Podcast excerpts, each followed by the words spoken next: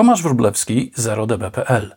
Co tydzień znajdziesz tu nowe testy, porady i prezentacje z zakresu produkcji muzycznej i pro audio, a także takie felietony jak ten i dekonstrukcje znanych utworów. Na świecie jest wiele rzeczy bezcennych. Zastanawialiście się kiedyś, co to oznacza? Na przykład freski Michała Anioła w kaplicy sykstyńskiej są bezcenne z różnych względów. Raz, że to niepowtarzalne arcydzieło. Dwa, że trudno by je było kupić, zarówno z powodów logistycznych, własnościowych, jak i znaczenia dla tożsamości religijnej ogromnej rzeszy ludzi. Ale już taki bogaty arabski szejk, który z pieniędzy każe sobie robić papierowe ręczniki, może zlecić i sfinansować wybudowanie kopii kaplicy sykstyńskiej na środku pustyni, włącznie z namalowaniem fresków jeden do jednego. Czego oczywiście nie zrobi, bo wiara mu nie pozwala, nie dlatego, że go nie stać. Wiele dzieł sztuki określanych jest mianem bezcennych, głównie z tego powodu, że ich aktualni właściciele nie mają najmniejszego zamiaru ich sprzedawać. Więc pojęcie cena zakupu w ich przypadku nie istnieje. Można jednak wejść w ich posiadanie drogą kradzieży lub rabunku. I tutaj straty, jakie poniosła polska kultura w trakcie II wojny światowej na skutek kolekcjonerskiej pasji agresorów z krajów, które wciąż istnieją i można je wymienić z nazwy, są praktycznie nie do oszacowania. Żadne dotacje z Unii Europejskiej tego nigdy nie zrekompensują. Tu też możemy mówić o bezcenności, tyle tylko, że poprzedzonej znakiem minus. Przejdźmy na nasze muzyczne podwórko. Za ile sprzedałbyś, sprzedałabyś najlepszy utwór, jaki kiedykolwiek napisałeś, skomponowałeś i nagrałeś? Napisałaś, skomponowałaś i nagrałaś, wiedząc o tym, że nie będzie podpisany Twoim nazwiskiem.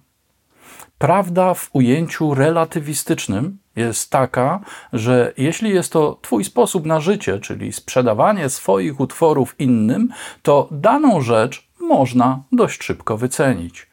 Ale jeśli chcesz być gwiazdą i masz niezachwianą pewność, że ta kompozycja zapewni ci sławę, majątek, wizytę w programie wojewódzkiego, abonament w ośrodkach odwykowych i regularną publikację Twoich zdjęć na portalach plotkarskich przez najbliższe kilka lat, to jest ona dla Ciebie bezcenna. Warto jednak wiedzieć, że za tysiąc odtworzeń naszego utworu na Spotify dostaniemy jakieś 4 dolary z hakiem. Przy milionie będziemy bogatsi o 4300 dolarów. Nie ma jednolitej stawki za odtworzenie. Jeśli słuchają naszej muzyki w USA, to dostajemy sporo więcej niż na przykład w Polsce.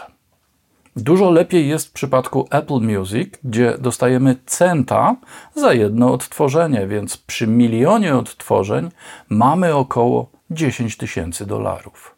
To są oczywiście kwoty przykładowe, a nie konkrety, które będą zależeć od tak wielu czynników, że nie ma sensu ich wymieniać. Mogę powiedzieć tylko tyle, że jeśli chodzi o kasę, to przed każdym kliknięciem OK trzeba przeczytać wszystko, co tam jest napisane, zrozumieć i przemyśleć, a potem jeszcze raz przeczytać.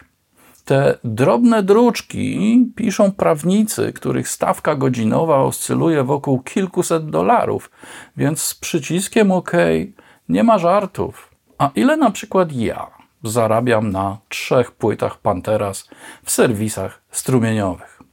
Pamiętając o tym, że jest to muzyka alternatywna i plasująca się w nieczęsto granej w radiu stylistyce New Wave of Symphonic Punk, jest całkiem nieźle, bo pozwala zapłacić parkometry w Warszawie.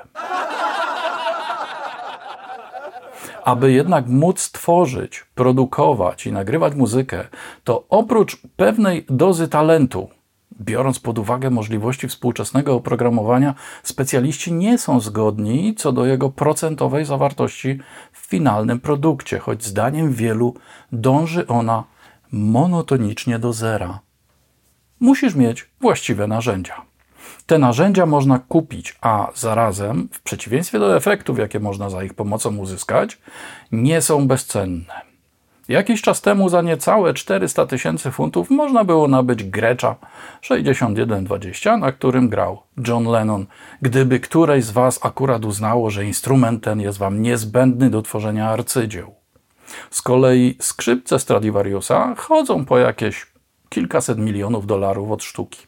Choć najniższa cena nie zawsze oznacza najlepszy wybór, to jednak każdy z nas ma genetycznie zakodowaną tendencję do kupowania najtaniej, jak tylko się da.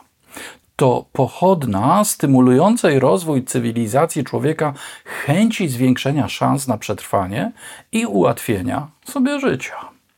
Nic z tym nie zrobimy, tak już mamy.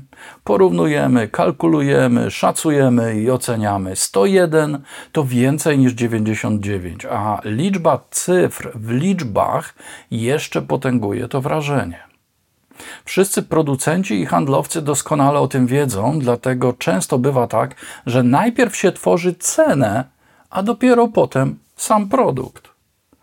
Próba zestawienia handlowego pojęcia ceny narzędzi z domniemaną lub rzeczywistą bezcennością naszych dzieł za ich pomocą stworzonych musi wywołać mentalny zgrzyt.